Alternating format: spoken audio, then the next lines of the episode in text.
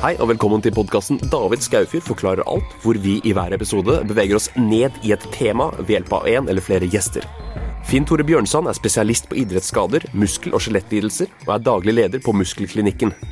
Per Øystein Tovsen er personlig trener, har studert master i idrett og nå fysioterapi, og trener alt fra fitnessutøvere til syke mennesker. Til sammen har de 20 år på skolebenken innen sitt fagfelt. I dag skal vi snakke om trening og helse.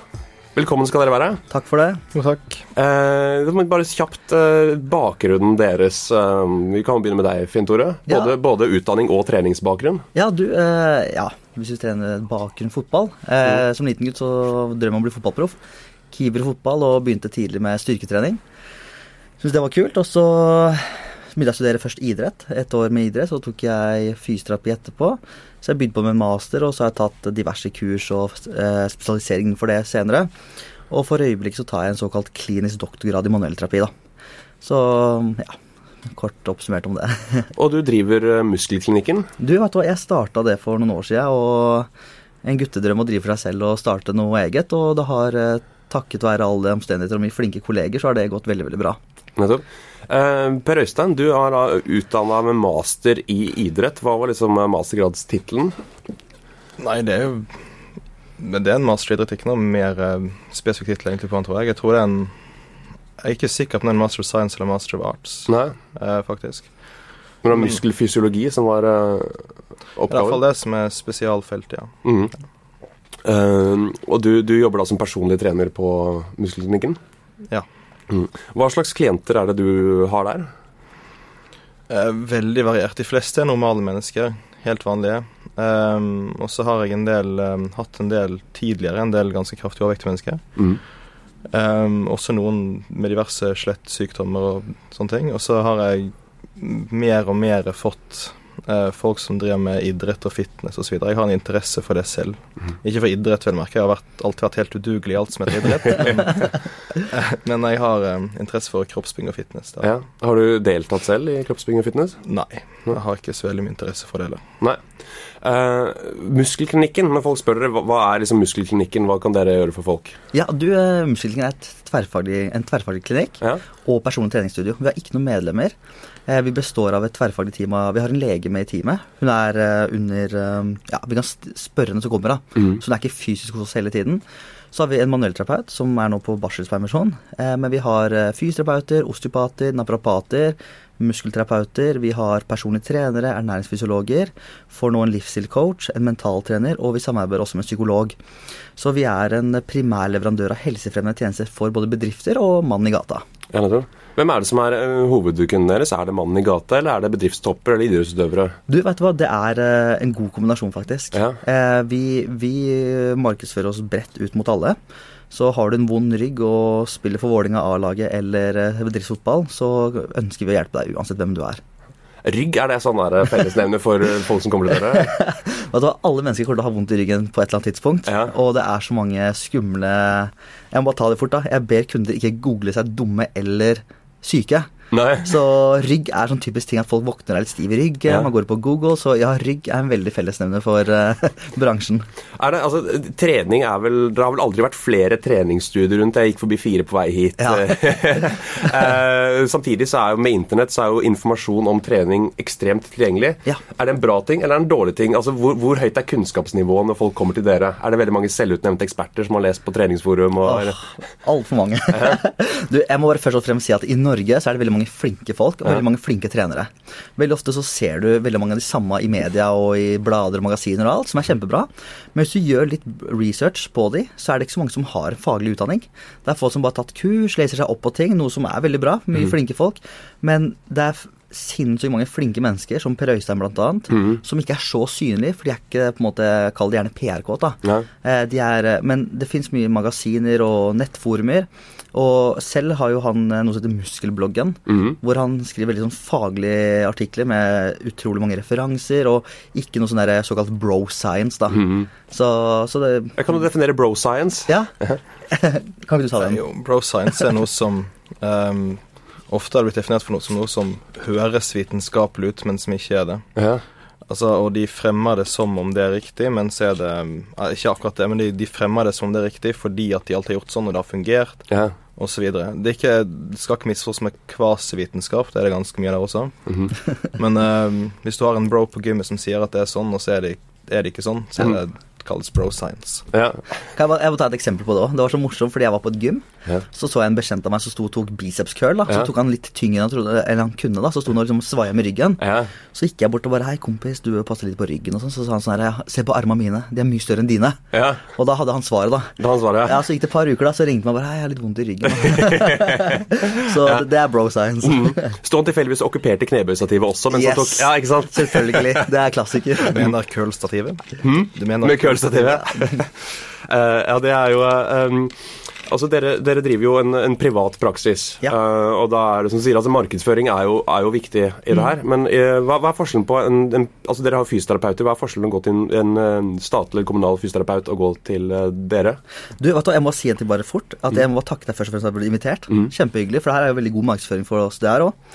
Du, Det kommunale og det private det er veldig todelt og litt vanskelig for folk flest å forstå. fordi ofte så ringer folk meg og sier du, jeg har fått en henvisning fra legen. Kan jeg komme til dere? Så sier jeg beklager, det går ikke. Eh, offentlig fysioterapi så er det gjerne slik at det er så, såkalte løyver. da. Ja. Så det er så og så mange løyver per, eh, per kommune. Og de får eh, penger fast hver måned fra staten, så de får dekket sine faste kostnader. Så får de penger per pasient. Samtidig som at hvis du får henvisning fra legen, så har du rett til å gå til en såkalt statlig fysioterapi, fysioterapeut, og så får du en, betaler du mindre andel. Eh, de får veldig mange, mange, mange kunder og har veldig fulle lister. Eh, noe som er kjempebra for dem, og det er en luksus. For oss private, det er ingen hemmelighet, det er et beinhardt marked, så vi må hele tida jobbe med å utvikle oss, få mer kompetanse, ta mer utdanning. Personlig bruker jeg ca. 100 000 i året på akkurat det, for å kunne være bedre, lære mer, være innovativ, nytenkende, kunne tilby bedre behandlinger. Så kortere ventelister hos oss, det koster deg kanskje en hundrelapp ekstra å komme til meg, men du får Jeg vil ikke si at du får noe bedre, men du får i hvert fall time på dagen, og vi gjør vårt beste. Hvordan fungerer en, en statlig ansatt Altså, Hva er økonomien i å være en statlig ansatt fysioterapeut? Du vet det- Nå skal ikke jeg snakke ned om noen fysioterapeuter, men de tjener veldig bra. Jeg tror de drar inn gode penger. De får jo 30 000 fast i måneden. Ja. Hvis du har en Og så gjerne så deler man på den løyva, da. Ja. Så noen kan ha 40% og da er det litt mindre andel, men man, de tjener gode penger. ja. Og de har en sikkerhet, for de, som vi må jo tenke fra måned til måned. Husleie, våre faste utgifter som løper hele tiden. Mens de har jo den delen mer dekket, da. Ja. Altså Det tverrfaglige teamet dere opererer med ja. det, det, det, For meg så får jeg sånn bilde av en sånn racerbil som stopper i en sånn pit, og så bare kommer noen inn og skifter eh, hjul og fyller på bensin, og så alle, alle bare hopper på. Ja, kul, Er det litt sånn? eh, kul, bilde. Uh Eh, veldig mange klinikker opererer med litt sånn type, type som det der. da, At du kommer på klinikk, så må du først til kiropraktoren, Mm. så kommer fysioterapeuten, så skal du inn til massasje, og så legger du igjen 1500 kroner og har vært innom fire terapeuter Mm. på samme session. Hos oss er det ikke sånn. Vi er slik at du kommer til oss, så har vi en litt større verktøykasse. Mm. Eh, vi kan sette nåler, vi kan manipulere, såkalt knekking. Mm. Vi kan jobbe med bløtvev, vi kan gi deg øvelser, prate litt om klinisk ernæring. Og skulle jeg føle at jeg står litt fast, så har jeg en kollega jeg kan henvise til. Mm. Men det er ikke sånn at i én session så skal du innom pitstop alle sammen. Nei, Så, det er ikke samlebane. nei, og så bare for å ta det fort, og så er vi veldig opptatt av at eh, alle som, om du er osteopat Mm. eller naprapat som ikke per dags dato er definert som eh, hel, eh, statlig mm, autorisert helsepersonell, så er vi veldig opptatt av å være evidensbaserte. Ja. Og det er veldig viktig å fremme, faktisk. Eh, jeg husker jeg gjorde noe sånn eh, Ja. for folkeopplysningen, Ja, hvor jeg spilte spilte en alternativ terapeut. Yes. Hvor jeg fikk da jeg sånn, eh, hva var det jeg gjorde? Jeg husker ikke heller, den, den ligger på nett. Pepperkake. Ja, jeg hadde sånn pepperkakeform jeg drev og handla med folk med. Og det var en som hadde hatt vondt i ryggen i årevis, som Ja. fikk sånn spontanforbedring. Han har aldri følt seg bedre. Placeboeffekten er så enorm. Ja, det funker som faen. Ja, ja. ja men det, vet du hva, det er ikke noe man skal undervurdere, faktisk. Nei? Bare for å ta det fort, da. Det er fire eh, Noen sier fem, da, men fire store ting vi jobber ut fra. Mm. Systemer. Det er en er biomekaniske modellen. Det er det tradisjonelle du har hørt at du har skeiv rygg, Ja. du har skulderen litt fram og rotert. Det trenger ikke ha noe å si. Det er biomekaniker. Så har du nevrofysiologi. Det Ja. kan være at du har smerte et sted, men så sitter årsaken et annet sted. Mm. Så har du det vi kaller for biokjemi. Ja. Hormonbalanse, næringsstoffer i kroppen etc. Ja. Og så har du den siste som er biopsykososiale modellen. Og den er totalt undervurdert. Ja. Fordi at det at eh, La oss si hvis du slår opp med dama, så vil den ryggen føles veldig mye verre ut enn om du vant en million i Lotto i går. Ja, Da vil ikke den ryggen være så ille. Så, og så er den femte, da, bare for å nevne det sirkulatoriske systemet. da. Ja. Men den der, snakker, det er sånn stort paradigmeskifte i bransjen vår nå. Man snakker veldig mye om det der psykososiale. da, Ja. Aspektene rundt. Fordi smerte er jo så abstrakt. Det er det mest, eh, mest abstrakte vi har. ikke sant? Mhm. Så det med det å undervurdere sånne ting som det, er eh, ja, litt dumt. Uh, altså, en, en um, kronisk smerte Ja.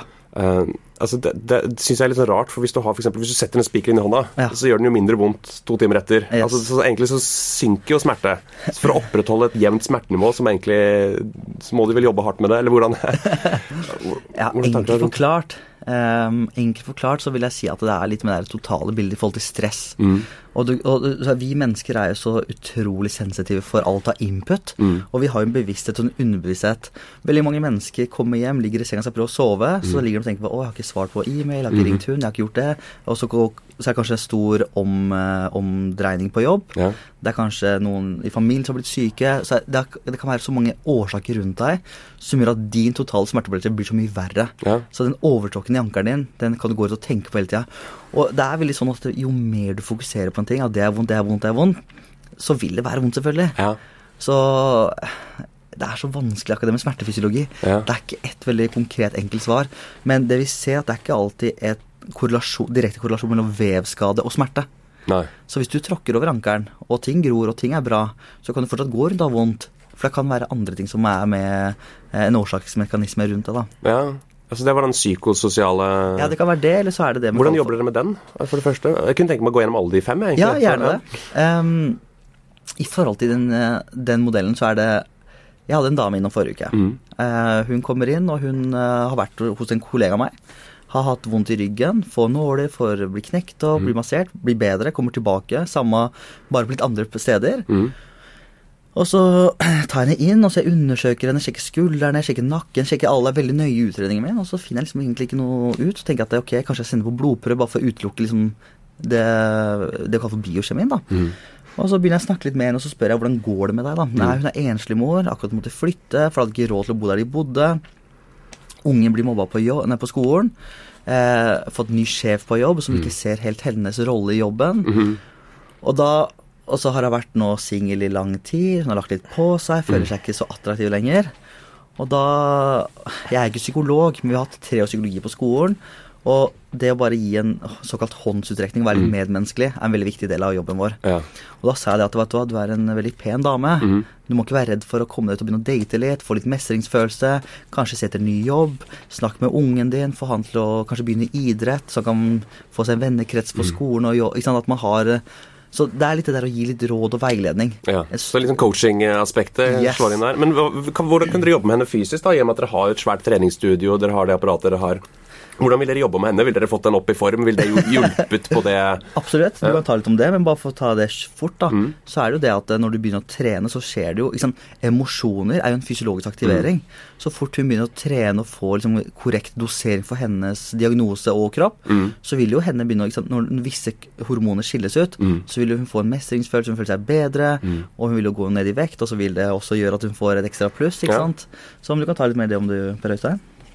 Om nøyaktig hva da? Altså, Nei, hva, skjer, hva skjer med hormonnivåene hvis jeg er på sofaen og begynner å trene? Eller hvis jeg driver og trener og bare legger meg på sofaen i en måned? Hva, altså, hva skjer med hormonnivåene mine? Eksempel.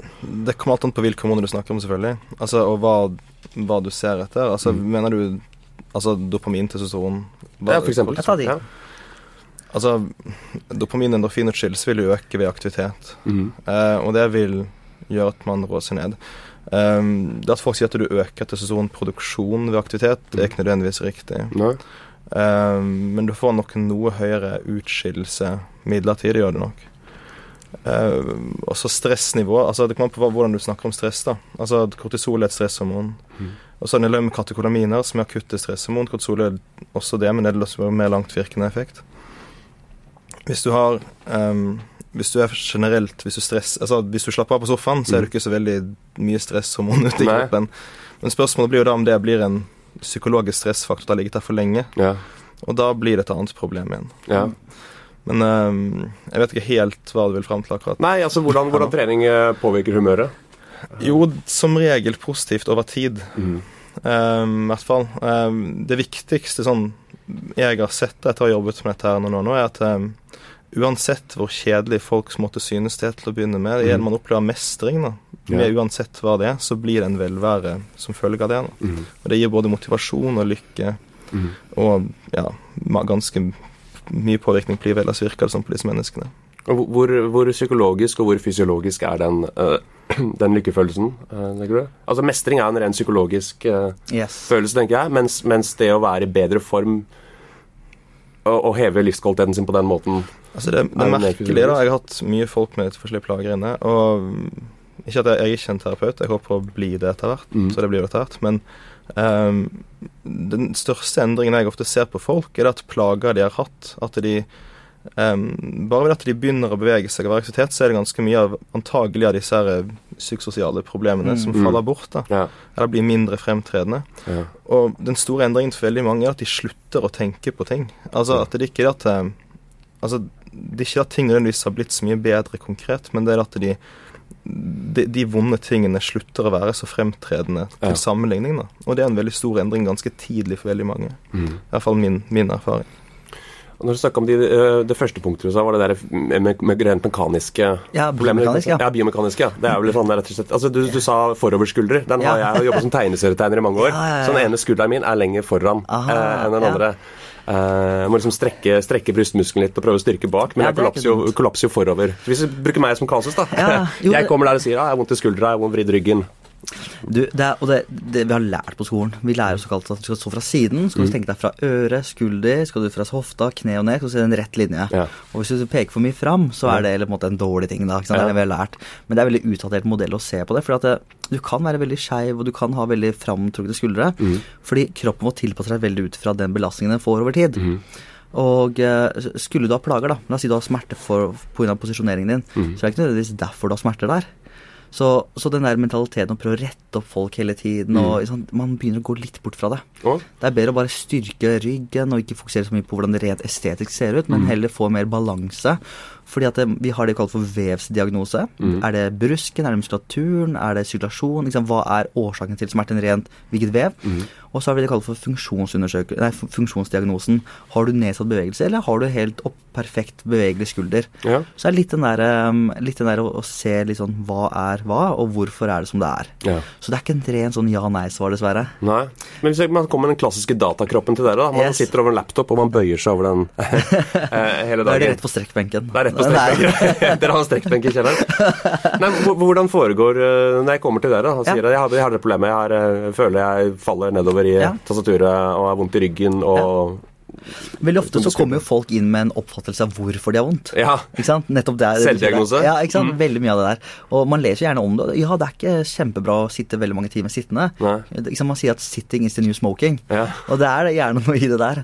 Så, så, det jeg tenker veldig på, er at hvis du blir veldig sånn kort og liksom framoverbøyd, mm. så, så, ser jeg liksom funksjonelt på deg. Hva har du? Og så liker jeg veldig godt type markløft. da. Mm. Veldig sånn veldig fundamentær bevegelse. Mm. Det å få rette opp kroppen, det vi kaller for posterior chain, mm. som er hele baksiden få en bedre balanse der, for du får ikke stimulere den så mye i løpet av en arbeidsdag. Så, så, det er litt den typen Er det smerte, eller er det bare en dårlig holdning? Ja. Og da kan vi liksom jobbe litt med type styrke, da. Mm. Så ja.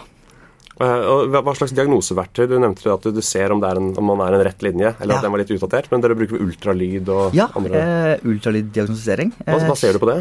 Eh, jeg bruker det veldig mye på skuldre og eh, på muskler og senefester. Mm -hmm. Og se om ligamentet har røket, er det blødninger. Mm -hmm. Utrolig Det er ikke alle som kan dra og ta en, et MR. Det.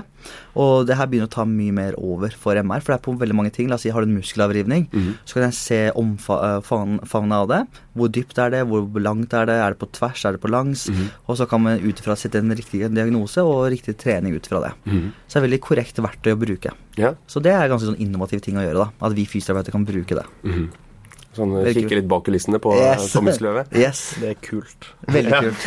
For da blir det ikke synsing lenger. Nei. Og, og, det må jeg bare si at mange av våre testverktøy ja. Hvis jeg ber deg dra armen fram, og så skal jeg presse imot, alt det der det, det, er veldig mange smerter som mm. kan minne om, eh, om, de samme diagnosene. Mm. Men går du inn og ser hvordan det ser ut inni der, mm. så setter du mye mer direkte og, og konkret diagnose. Ja.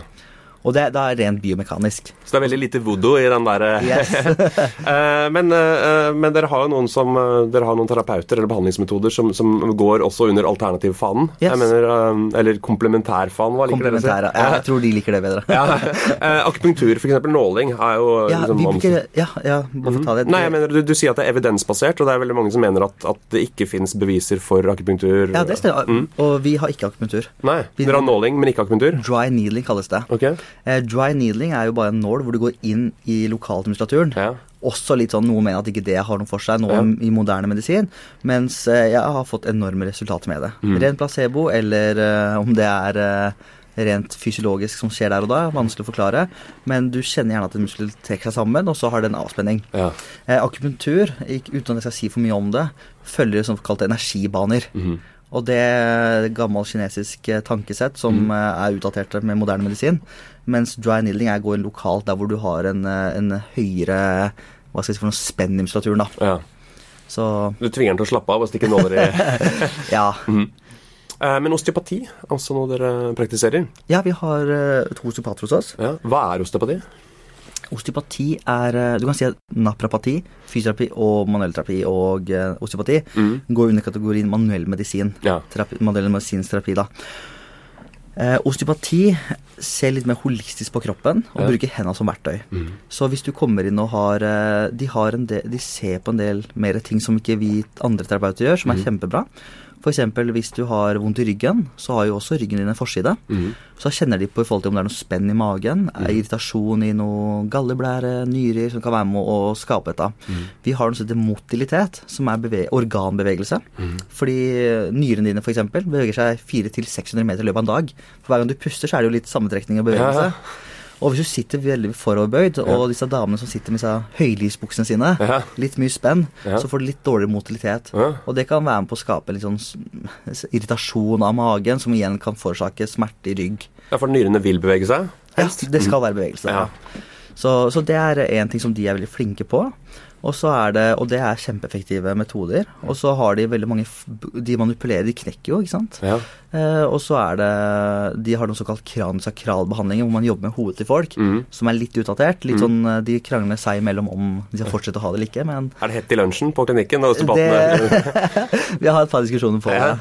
Men det, det er kjempe De er utrolig dyktige, og de, har, eh, de, er, de jobber hardt for å prøve å bli godkjent i Norge, da. Ja.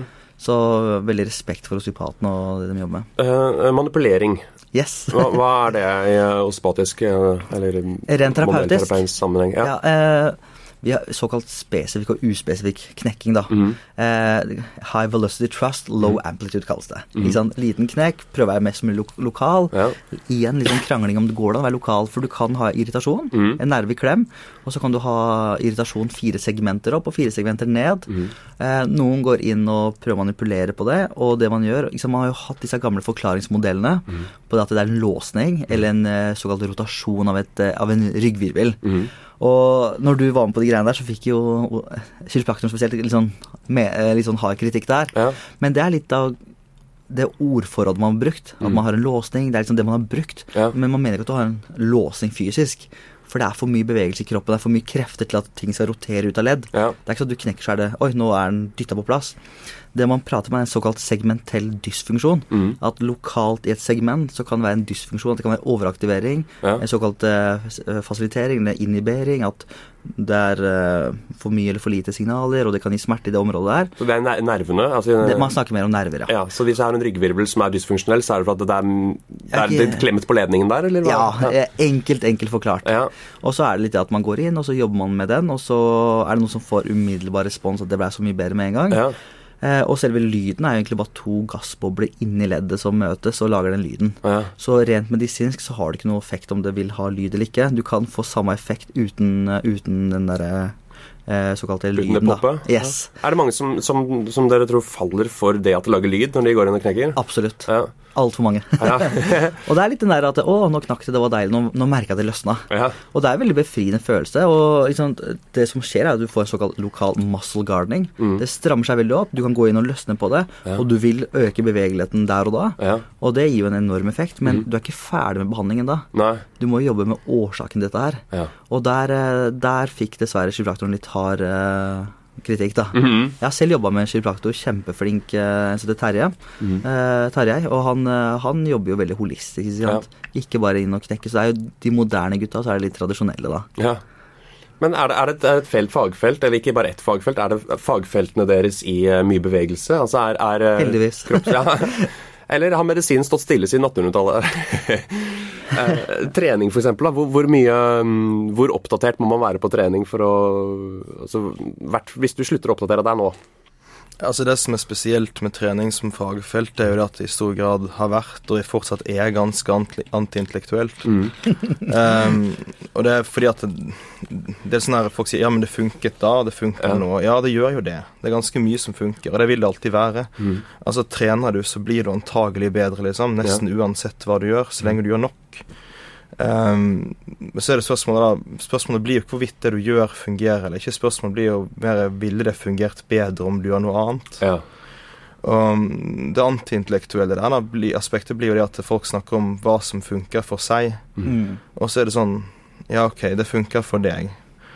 Det var sikkert flere ting som ville fungert for deg. Ja. Men hvordan gjør du en vurdering på hva som vil fungere best for deg, hvis du ikke da går til vitenskapen og ser hvor man har undersøkt veldig mange mennesker for å finne modeller som forklarer hvorfor ting fungerer, og hva som alternativt fungerer bedre enn ting.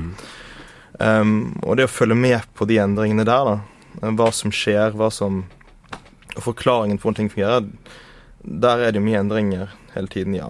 Og der bør man holde seg oppdatert. Men nei, du kan nok også være en ganske vellykket trener uten å følge med på det, fordi at, nettopp fordi at det er så forbasket mye som fungerer. Ja. Eh, Men du holder deg ganske oppdatert. Jeg mener, du, altså Folk kan jo søke kunnskap f.eks. ved å gå til muskelbloggen som du driver. Eh, Men hvor, hvor finner du din kunnskap hen? Hvordan holder du deg oppdatert? Jeg vet ikke helt, egentlig. Altså, jeg har ikke noe sånn fast svar på det. Jeg leser my mye egentlig hele tiden, og har alltid gjort det. Mm. Um, kikker mye på nettsider. Forskjellige folk jeg ser opp til og leser mye av. Mhm. Um, både veldig etablerte og mindre etablerte folk. Mhm. Og så viser det seg som regel at hvis de er veldig flinke og ikke etablerte, så blir de etablerte. da. Mhm. Så blir de større navn før eller siden. Ja. Um, så jeg har mange jeg kan anbefale der, selvfølgelig, som jeg liker, og mange jeg ikke liker. En jeg ikke liker, som har blitt en ganske sånn stor guru, guru nå, en heter Menno Henselmanns. ja, han har blitt veldig, veldig kjent. Jeg, altså Jeg blir så frustrert. Altså, han, hele premisset for hans teori om hans prinsipper er feil, liksom. Det er sånn her ja, Uansett hvor mye du linker til, at det, og det høres fint ut, og hvor mange du linker til, Um, og det, og det høres fint og riktig ut. Um, så må du faktisk bekrefte den kausale linken mellom det du linker til, og hva du påstår. Ja. Og det, det gjør han ikke, for den er ikke der. Hva, hva er eh, hans, For de som ikke kjenner til han, hva, hva predikerer han? Hva er hans eh, Nei, hovedgreien hans Altså, du har Forklare litt først, da. Du har um, Dette blir litt sånn teknisk for så vidt, men i, i muskulaturen sant, så har du sikkert hørt om forskjellige fibertyper. Utholdende, eksplosive osv. Det er ganske mange forskjellige av de. Um, det, disse, det dette tilsier, da, er at når du har en belast, får påfører muskelen belastning, så får du en rekruttering proporsjonal med belastningen. Sant? Og så er det da hvilke fibre da som er optimale til å behandle den belastningen, vil da fyres raskest. Sant? Det er Hennemanns prinsipp, heter det. der. Eh, det han mener, da, er det at eh, hvis du da velger en belastning som er mest lik eh, hva den eksisterende fibersammensetningen i muskelen, den gitte muskelen, arbeider mest optimalt på, da, så vil det føre til mest effekt. Ja. Det gjør det ikke. Ja, det vil føre til at du vil få en økt evne til kraftvikling i, den, i det, den, det intervallet som den muskelen optimalt jobber i. Det vil det gjøre. Men å, å påstå at det direkte fører til en økt effekt, det gjør det ikke. For det er forskjell på opplevd stress og stresset du faktisk påfører muskelen. Mhm. Eh, og før eller siden, sant, når du når utmattelse som man ikke tenker over, er det at så vil jo alt rekrutteres uansett. Ja. Og da får du total, altså total aktivering og får det mikrotraumet du skal, som tilsier at du får veksten du vil ha uansett. da. Um, og det der har det vært studier på. En av de han driver og linker til hele tiden, som er ganske kjent, det er Brad Schoenfeldt. Han gjorde til og med den ene reviewen som avkrefte at dette var, et, var en ting. Han linka til det? den Nei, han, han la jo selvfølgelig være være å linke til den, da. Ja. Ja, og det er, Men- må jeg bare si, det er problemet med bransjen vår, at man såkalt cherrypick-studier. Ja. Hvis jeg ønsker å si at eh, det å kjøre bare biceps hver dag, så kan jeg finne en studie på det, så velger jeg å publisere kun det. Mm. Jeg ønsker ikke å publisere de 50 000 andre som sier at det er ikke bra. Nei. Og det er litt av problemet. Og så en annen ting som er problemet, er at eh, vi mennesker er så enkle. Vi følger han som ser bra ut, og hun som ser pen ut, og så hører på hva hun eller han har å si, fordi de, ser, de er pene, de har veldig trente kropper, og da må jo de vite hva de snakker om. Ja. Og det er altfor mange av det i bransjen, dessverre, og det er litt synd. Og ja, det finnes mye flinke folk som ser absolutt veldig bra ut, men mannen i gata klarer kanskje ikke helt å skille mellom ok, det der er en veldig PR-kåt person som har god genetikk, mm. og kunne kasta en stol opp i været og fått resultater av det, Ja. Kontra en person som faktisk har litt faglig kunnskap. Og viktigste som jeg tenker, er individualisering innenfor Ja. trening. Det som funker for deg, funker ikke for meg, og det som funker for han, funker kanskje ikke så bra for meg igjen. Og der, det å liksom, VG Dagbladet hver sommer Dette er fem øvelser for å få flat mage, og Mhm. de øvelsene gjør deg sterk. Ja, noen, noen ikke. Så Ja. Og De øvelser for, for flat mage, det er gjerne ta situps, og så slanker du deg akkurat i det området. Er det ja, den der hva som er beste mageøvelsen, eller? Pullups. Det Sånn chin- Ja, løft deg. Du må stabilisere med å stramme veldig mye core, og, eller core. Jeg liker ikke begrepet core, da, men mage, da. Mm. Så det å bare ligge der og crunche til harde 1000 situps hver dag, ja, det vil ha en liten lokal effekt, men det er ikke det optimale. Nei. her Finnes det noen sånn lokal effekt på, på f.eks. slanking? lokal fettforbrenning? Ja. Ta den, du. Ja, men nei. Altså, jeg, jeg leste en undersøkelse på det hvor de hadde, lag, hvor de hadde kjørt folk på tredemøllen ganske mye, da, med noen sånne svære varme belter rundt midjen og sånn. Hvor de faktisk hadde vist økt lokal energiomsetning. Ja. Og det kan nok være fordi at når, når den lokale Det er det er temperaturen øker så dramatisk, mm. så kanskje sirkulasjon øker, og det blir økt evne til transport i de områdene. Mm. Det er den eneste forklaringen som Men nei, generelt ikke. Nei. Så hvis, hvis du nå ser veldig mange løpe rundt på tredemøller med store varmebelter rundt magen, så Så er det årsaken. ja, Det det, finnes mer effektive Ja. Eh, jo, det du sa med sånn individuell trening. Du hadde jo f.eks. Arnold Schwarzenegger ga ut en treningsbok. Yes. Og eh, folk som ville bli som han, Ja. leste den og trente seg i hjel fordi at han anbefaler helt vanvittig høyt volum og Yes. var stappfull av steroider og hadde Ja. en helt unik genetikk. yes. uh, så det er vel et eksempel på det, det motsatte. Altså ikke individuell. Eh, vet du det er veldig bra. Jeg må bare si først at eh, jeg starta som liten gutt og ta pushups i gutterommet fordi jeg syns Arnold Schwarzenegger så bra ut. Så han var min inspirasjon òg, og jo eldre jeg blir og jo mer jeg har lært, så har jeg sett at uh, liksom, vi har noe i biologi som kalles for 70 %-regelen. Mm. At 70% fungerer på Nei, eller det du, et prinsipp kan fungere på 70% av befolkningen. eh, alt fra proteininntak til belastning, alt det. Så har de alltid 15 ytterpunkter. Eh, Arnold Schwarzenegger var en person som hadde en sinnssykt god genetikk. Og det er ikke noe hemmelighet at han tok eh, prestasjonsfremmende midler, og da fikk større yteevne. Og til tider så jobba jo ikke han. Alt han gjorde, var jo å trene. Og hvis du ser en, høyden hans og hva han veide og hva han spiste, så kan ikke du gi det tipset til en gutt på 70 kilo. Nei. Så, så det er litt den der folk går seg litt blind på hva guruen sier, da. Ja. Så ja. Eh, hva er det sier sånn, Hvis du vil lure på hvorfor en hest løper raskt, ikke spør hesten, spør treneren. ja.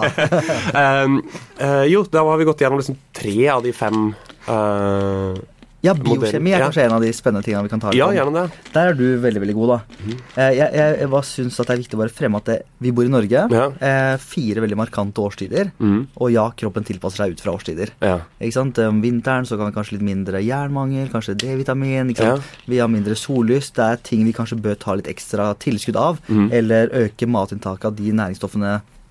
Men eh, ja. ja. Hva bør vi spise nå i høsten, f.eks.? Som ja. Du er ekspert der. Ja, en eh, ekspert, ekspert, men jeg er ikke ernæringsfysiolog. Så Eh, Kanskje skal bli det etter hvert. Ja.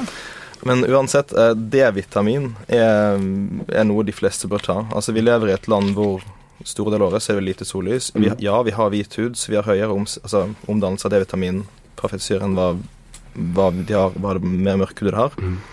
Så Spesielt om du faktisk er innvandrer i Norge, Mm. så bør du i hvert fall ta D-vitamintilskudd. Eh, kritisk lave D-vitaminverdier kan ha ganske kjipe konsekvenser. Hva slags konsekvenser kan det ha?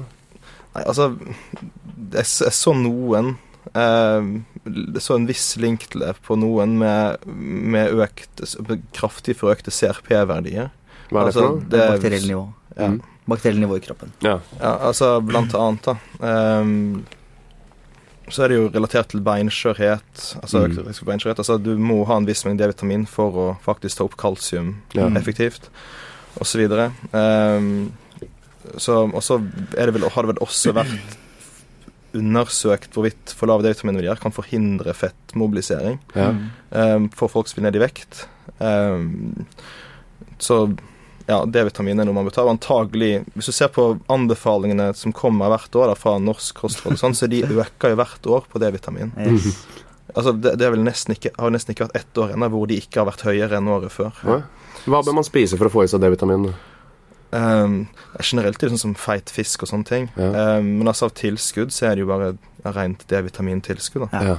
Eh, og akkurat det Det er sånn at uh, maten vår, ja, et godt norsk variert kosthold er bra, og vi hadde alle folk spist det som kostrådet anbefaler, så ville vi antagelig hatt mye mindre folk, sy- altså sykdom hos i Norge.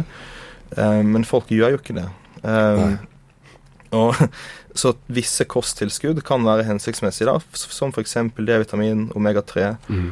um, for å kompensere for den mangelen i kosthold til de fleste. Hva syns dere om kosttilskudd? Du, jeg må si til Ola og Kari Nordmann Mm. kosttilskudd er ikke steroider.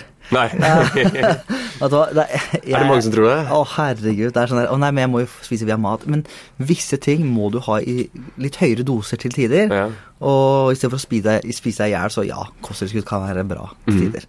Men det å liksom eh, Sånn som Jeg var på et seminar med en, av, en sånn veldig kjent styrketrener. Mhm. Og han hadde jo selvfølgelig 15 produkter du måtte ta hver morgen, Ja. og rett etter trening, og før du la deg. Og tilfeldigvis så solgte han disse produktene. da. Ja. Så det må du ta med en klype salt, da. Ja, Polygon.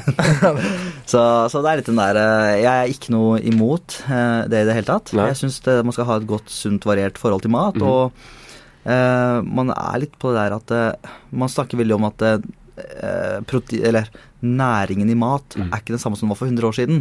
Pga. industrien. Og ja, det kan stemme det på veldig mange ting.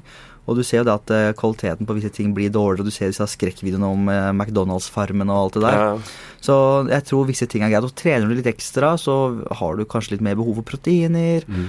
Og da Jeg liker å ta meg en proteinshake til trening. Smaker godt, og jeg vet jeg får meg 25 gram der og da, eller Mm. det jeg skulle ha da. Ja. Hvilke andre kosttilskudd tar dere? Jeg bruker ganske lite, egentlig. Ja. Jeg bruker omega-3, og så tar jeg en vitaminpille eller noe sånt. Ja. Fordi at ofte er jeg litt lat med å trykke i meg grønnsaker. Ja. Eh, så må jeg innrømme det. Mhm. Um, og så tar jeg, jeg, jeg Faktisk ikke D-vitamin, det burde jeg jo ta. Mm. Uh, og så kreatin, den av billigste monohydratvarianten. Mm. Um, også proteinpulver om jeg har behov for det. Men veldig mye av dette som kosttilskudd er, det ligger litt i ordet, det er tilskudd. Yes. Og det er av praktiske årsaker man bruker det. Ja. Det er ikke at du ikke kan få de i med mat, men ofte så er det upraktisk å få de seg via normal kost. Ja. Og det er billig alternativ ofte. Ja, veldig. Og det er sånn som jeg, jeg ser det der at eh, Ja, faktisk, jeg har med en gave til deg. Jeg glemte å ta med. Jeg har det i bilen. Eh, jeg, jeg er veldig glad til sånne ting som har proteiner i seg. da Ja. Og som nå har jeg kjøpt inn på klinikken proteinchips. Ja. Det smaker jo kjempegodt. Ja. Og da kan jeg spise det med litt god samvittighet. da Ja. For da vet jeg at jeg får eh, Ja, greit, det er 107 kalorier, men det er også 15 gram proteiner. Så jeg tror litt den der drar på kino med dama, så tar jeg heller med det og en Ja. proteinsjokolade enn eh, Snickers og vanlig potetgull. ja. Så ikke at det har så mye å si, men litt den derre Hvor er det man får proteinchips eh, fra? Eh, Jeg kjøper det via en venn som har begynt å importere til Norge nå, men mm. du får det på Muskellinken i hvert fall nå. og bra salgstriks. Apropos Poliquin. det var- ja, det er ikke Polygon. Er det Charles Poliquin eh, Ja, skjønner han? eh, Jeg har sett noen greier på nettet. Han, eh, er, han, dyktig er han en av de guruene, eller? er Ja, han- han, er, han er en av de guruene som er veldig flink og har gjort veldig mye, Ja. men siste årene har begynt å bli litt sånn bro science-fyr. Ja. At, eh, jo, men fordi jeg sier det. Litt sånn argument. Ja. Jeg var på seminar med han, lærte utrolig mye. Mm. Og så var det et par ting han begynte å si som bare Ok, men det her er jo ikke helt riktig. Mm. Og så sa jeg, men det er feil Eller hva tenker du om det her? Mm. Så sier han jeg har gjort det i 20 år. Jeg bare ok. Ja, det var svaret. men enorm respekt for mannen. Absolutt. Ja. Apropos det der eh, du snakket om i sted, om farlig oppdatering og sånn. Mm. Um, det å ha gjort en ting lenge er ikke nødvendigvis ensbetydende med at du er flink til det. Nei. Eller at det er riktig. Nei. Så 20 års erfaring hører du mye av innen treningsbransjen. Mm. hvis det er den eneste meritten du kan skrive til, så Ja. ikke veldig imponerende. Den får man gratis etter 20 år uansett. Ja. det var den bio biokjemiske toucha så vidt innom det. Ja. Eh, er, er medikamenter en del av den eh, Ja, biokjemiske det er absolutt farmakologi er absolutt en del av det. Ja. Og jeg ser det at, eh, bare for å ta det, da, Mm. er veldig mange kvinner eh, Man sier at den typiske alderen for kvinner som får menopaus, da, eller begynner å få problemer med hormoner i kroppen, Ja. synker jo litt. Mm. Og, og det kan være diverse årsaker. Eh, litt sånn forskjellige forklaringsmodeller på det. Jeg skal Mm. ikke si én konkret grunn. Men det kan være at man, får, man begynner å kaldsvette, man får hetetokter, Mm. man er slappere. Og da kan det være at man er på underskudd av levaksin, tyroksin, så kvinnelige hormoner. Mm. Eh, eller vi menn har også de, men eh, det er eh, veldig mange kvinner som sliter tidlig med det. Og de går til legen, man finner ut av det ved en blodprøve, og da får man tilskudd av det, og da øker livskvaliteten med en gang. Da føler man bedre med en gang. Så da, da får du hormoner direkte? Altså man Ja, det er noen ikke, piller der, da. Ja. Tabletter du får av legen. Så man justerer ikke via trening og kosthold, man går rett opp hormonelt? Og, Vet du hva, Jeg har en pasient av meg som er litt imot medisiner. Mm. Så hun eh, via iHerb og Google og liksom fant en del sånne folk som hadde funnet måter man kunne få kroppen til å produsere disse stoffene. Mm. Så hun kutta medisinen ut, og gikk to måneder så var hun veldig slapp og sliten. ja, Men så gikk det liten tid, så var hun bedre. ja. Om det er at kroppen etter hvert tilvennet seg det, veit jeg ikke, eller om det var kosttilskudd. Men Mm. noen ting kan du faktisk gjøre via endring av kostholdet ditt. ja. Absolutt. Hvis menn kommer inn med lavt testosteronnivå, Ja. hva anbefaler de da? Er det trening, eller er det tilskudd, eller hva er det man eh, Det kommer litt an på alderen. Eh, Ja. Det er så morsom diskusjon, fordi i Norge så har det jo blitt ulovlig å ta testosteron Ja. utenom legen. Det har blitt ulovlig å bruke det. Mm. Eh, og det er bra, det at mange folk som misbruker det, har vært veldig sånn stygge saker rundt det der. At man liksom Å, han man blir så voldelig, og det er så skummelt, og psykologiske plager. Mm. Blander du kokain og servider, så ja, selvfølgelig. Ja. Men eh, Morten Heierdal, eller? Narkomanebehov nar behov for ansvarsfraskrivelse. Um, ja, det er dessverre en del mennesker som fremmer hvor farlig testosteron. Det er ingen studier som viser at det alene gir deg disse psykologiske og det der aggresjon og alt det der. Er du dritt- er du en drittsekk, så blir du en større drittsekk. Mm. Enkelt forklart. Eh, jo, bare for å si det, I Norge så er vi veldig veldig konservative på det. Mm. Og veldig mange leger er veldig liksom redde for liksom å gi testosteron til pasienter. Mm. Og det kan jo faktisk være med på å fremme livskvaliteten til veldig mange menn Mhm. over en viss alder. Mhm. Så det er litt synd at, vi er så, at det er så svartmalt. Ja. Eh, Ola Nordmann bør åpne horisonten litt og se, se litt hva andre land gjør, og hva som fungerer. Mhm. Og det er jo testosterongelé man får i Norge. Så gir du klem til dama di, så er du litt uheldig. Ja, hva skjer med damer hvis de får i seg testosterongelé? Ja, jenter, Det som er morsomt, da, det er kompliment til jenter. Mhm. Fordi vi menn har testosteron og østrogen. mm. Men vi har mer østrogen i kroppen enn hva kvinner har testosteron i seg. Mm. Og det er for at vi skal få en optimal hjernefunksjon og fungere som vi gjør. Ja. Så vi trenger damer for å være smarte. Ja, Hva som skjer med dem? Ja. det, Ja, det kan du ta, det er litt morsomt. nei, altså, av disse testosteron-gel så skjer nok ikke så veldig mye, fordi at eh, antagelig så er mengden de får via den absorpsjonen av en klem, mm. så liten. da. Hadde de begynt å smøre det på seg veldig mye, så kunne det kanskje vært mer problematisk. Ja. Men det kan skje hva som skjer uh, nedentil. Ja, Hvis, hvis damer faktisk tar testosterontilskudd Yes. eh, Det har jo en viriliserende effekt. Jeg vet ikke Hva betyr viraliserende? Forklar det til mannen i gata. Jo, altså, Jeg synes det er litt pinlig å ta det, så jeg syns det er greit å ta det. ja, du skiver alt du ikke liker å svare på. sett um, eh, kvinnelige kulestøtere type Øst-Tyskland og Russland fra 80-tallet. Mhm. Du har jo forklaringen der, Ja. egentlig. Nei, altså, de får um, økt hårvekst rundt kring kroppen. Det er en, en vanlig virkning. Stemmeforvrengning. Der nede, da. Um, jo, økt vekst av klitoris er vanlig, vanlig bivirkning. Ja. Eh, Det, er ganske, det er en ganske stygg sak, egentlig. Um, eh, ikke at man skal nødvendigvis dømme de damene som gjør det for sine formål, så hardt som man ofte gjør.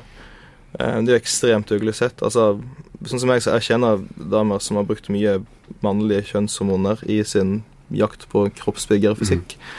Um, jeg det er jo ikke noe jeg syns er så veldig pent nødvendigvis, men det er jo et offer de har valgt, da. Mhm.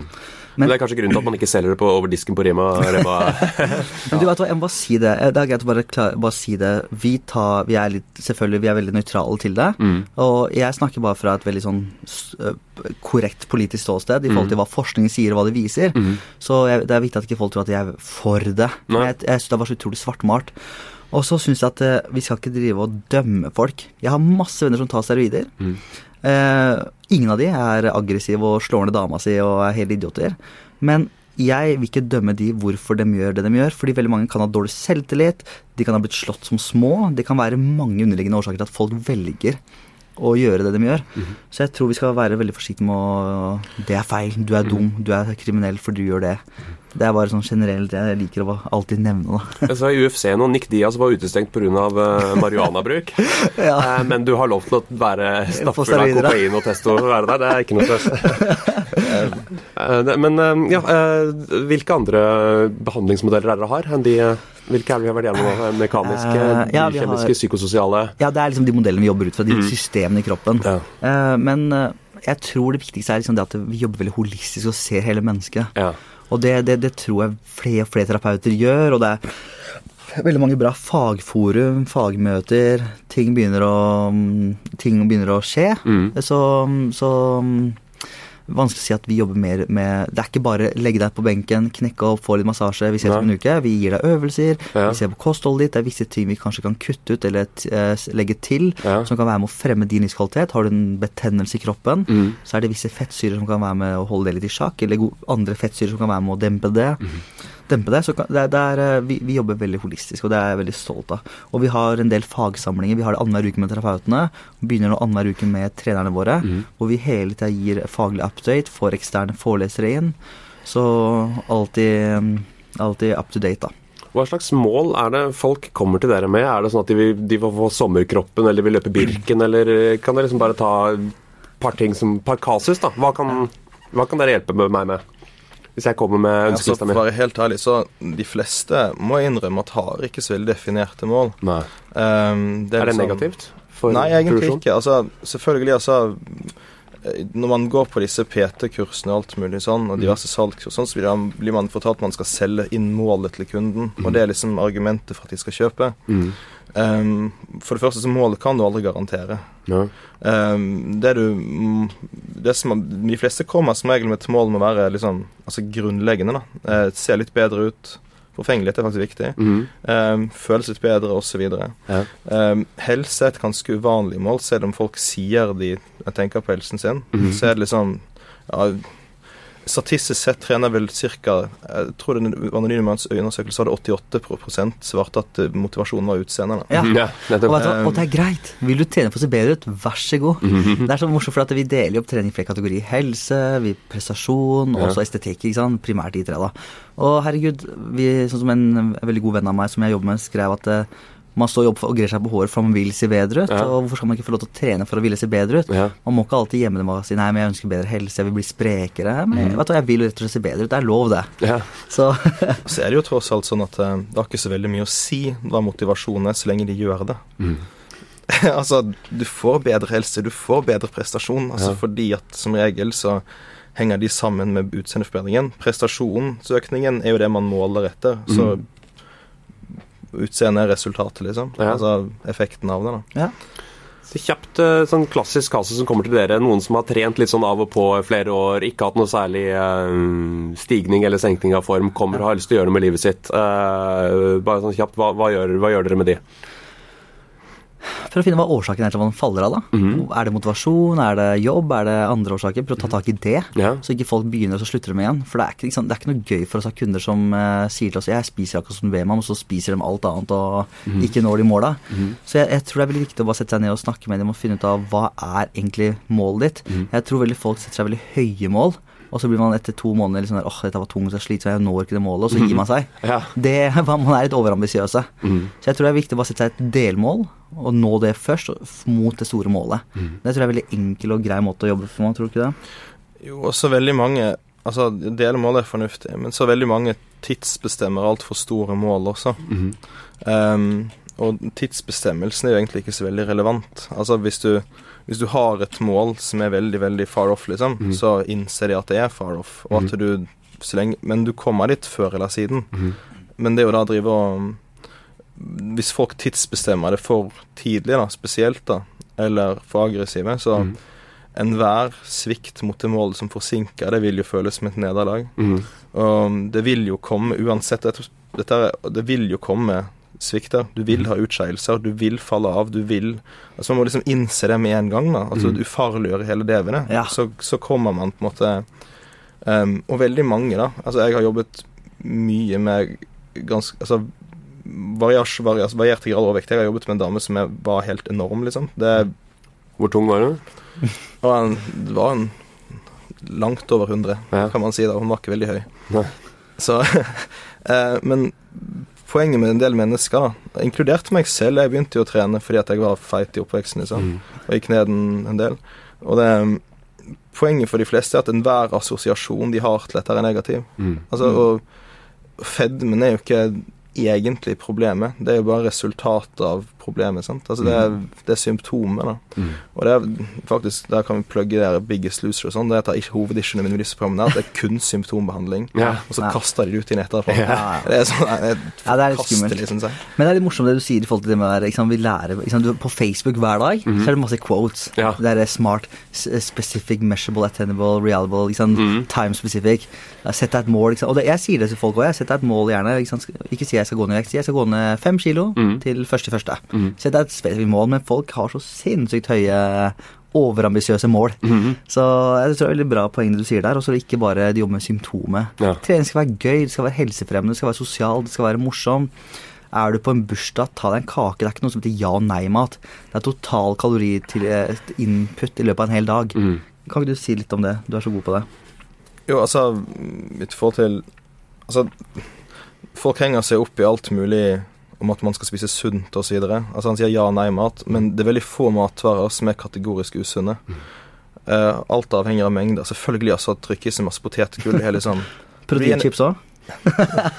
Nei, det er sikkert ok. Nei, men Mengdespørsmålet blir viktig uansett. Men um, igjen, altså Folk sier at du jeg, jeg prøver å få folkene som jeg følger opp, da, i stor grad til å lære seg det der å faktisk kritisk vurdere maten de tar i seg, og analysere næringsnål i maten og sånn, for å så kunne styre i større grad selv da, hva de um, hvordan de velger å legge opp kostholdet sitt. da.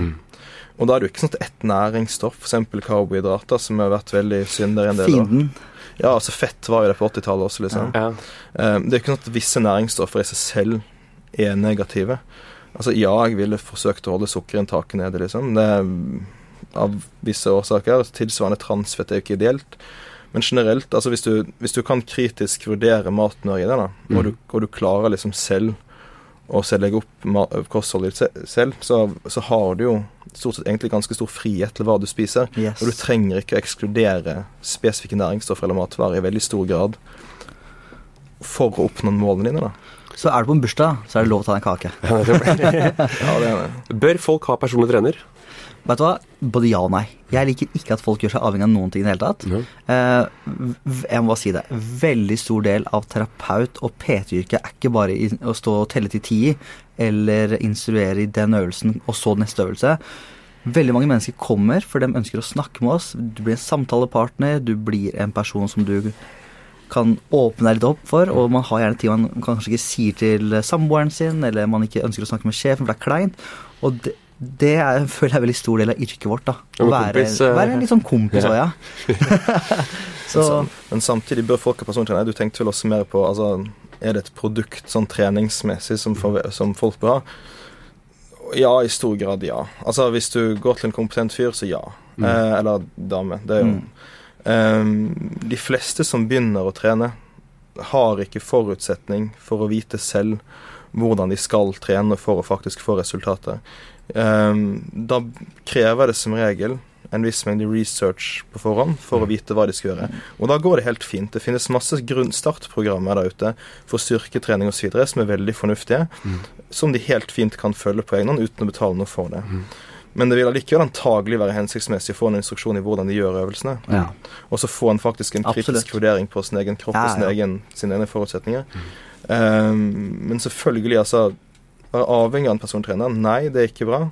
Men å få opplæring av en persontrener, og kanskje oppfølging Nå snakker jeg litt, litt min egen sak men altså å få oppfølging over tid, gjerne med programoppdatering osv., etter hvert som ting endrer seg, for å unngå stagnasjon osv., det har definitivt en verdi. Veldig smart. Eh, produktet er ganske potensielt ganske dyrt. Eh, Spørs hva du får tilbake, da. jeg er ikke spesielt billig, liksom. Det, men, men, men, det, men det er liksom Igjen Som sagt, det at folk ikke nødvendigvis har forutsetning for å klare dette selv. og for, men, igjen det kommer an til intellektuelle spørsmål, eh, spørsmålene igjen. At folk antar at dette her er noe de skal klare selv. Men så Det er ikke det nødvendigvis. Takk for at dere kunne komme. Du, Takk for oss. Kjempehyggelig. Jeg glemte et spørsmål. Ja. Hvor, kan man, eh, hvor, kan man, lese mer om dere og hva dere driver med? Eh, hva da? Jeg er veldig Jeg var på hjemmesida vår på Facebook. Mm. Så jeg er ikke veldig opptatt av at folk skal vite så mye om meg. Jeg er veldig opptatt av å fremme mine kolleger. Mm. Men uh, de gutta her, mm. muskelbloggen.no, utrolig flott side. Så der kan dere lese mer om de, i hvert fall. Og meg, ja. jeg er litt til og fra, jeg. Takk for at dere kunne komme. Takk for oss. Ha det fint. Ha det bra. David Skaufjord forklarer alt blir produsert av både og, med Charlotte Trolin bak spakene. Hvis du har noen innspill, eller noe du har lyst til å høre om, eller noe du brenner for selv som du kunne tenke deg å prate om her på podkasten, ta gjerne kontakt med meg på davidskaufjord at gmail.com. Takk for i dag. Vi høres neste uke. Produsert av Ora.